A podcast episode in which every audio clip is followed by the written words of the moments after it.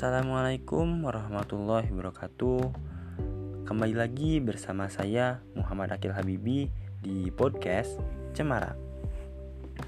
Hmm, Pada kesempatan kali ini kita akan membahas mengenai bagaimana sih ketentuan antara wa'ad dan mu'adah Nah pada kesempatan sebelumnya kita kan udah bahas tuh mengenai tinjauan perdata terkait hukum dan akad da, uh, kontrak dalam transaksi.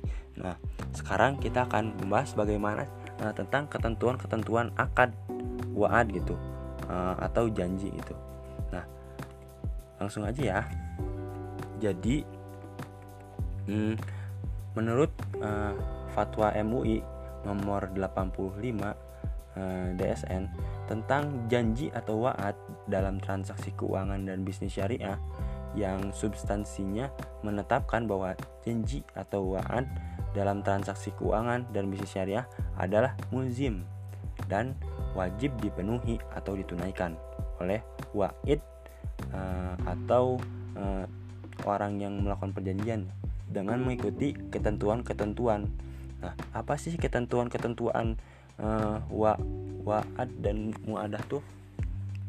Nah, jadi yang pertama adalah uh, wa'ad harus dinyatakan secara tertulis dalam akta atau kontrak perjanjian gitu.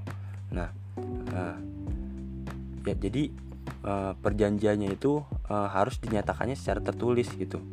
Uh, dalam bisa pokoknya bentuknya perjanjian gitu. Nah, lalu yang kedua, wa'ad harus dikaitkan dengan sesuatu syarat yang harus dipenuhi atau dilaksanakan mau'ud. Uh, atau bisa disebut juga wa'ad bersyarat gitu. Nah, jadi uh, juga harus uh, dikaitkan gitu dengan syarat-syarat yang harus dipenuhi gitu. Uh, lalu yang ketiga ada mau bih tidak bertentangan dengan syariah. Nah, tentunya emang uh, mau'ud juga gak boleh bertentangan gitu dengan syariah gitu. Jadi harus uh, harus ketentuannya tuh harus uh, sama gitu dengan syariah gitu.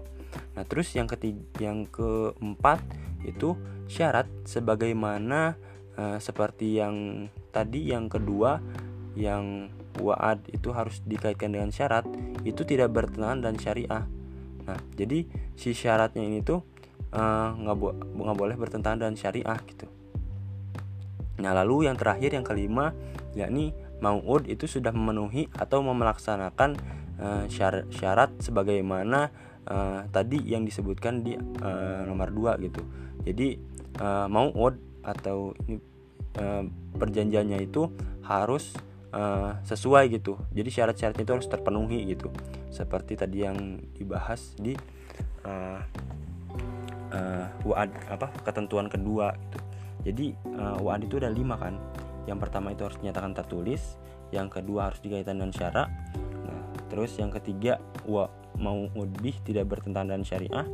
Lalu yang keempat syaratnya itu tidak bertentangan dengan syariah. Lalu yang kelima syaratnya itu harus dilaksanakan sebagaimana uh, ketentuan yang ada di uh, tadi yang kedua itu. Nah mungkin sekian yang bisa kita bahas pada kesempatan kali ini. Terima kasih sudah mendengarkan. Kurang lebihnya mohon maaf. Assalamualaikum warahmatullahi wabarakatuh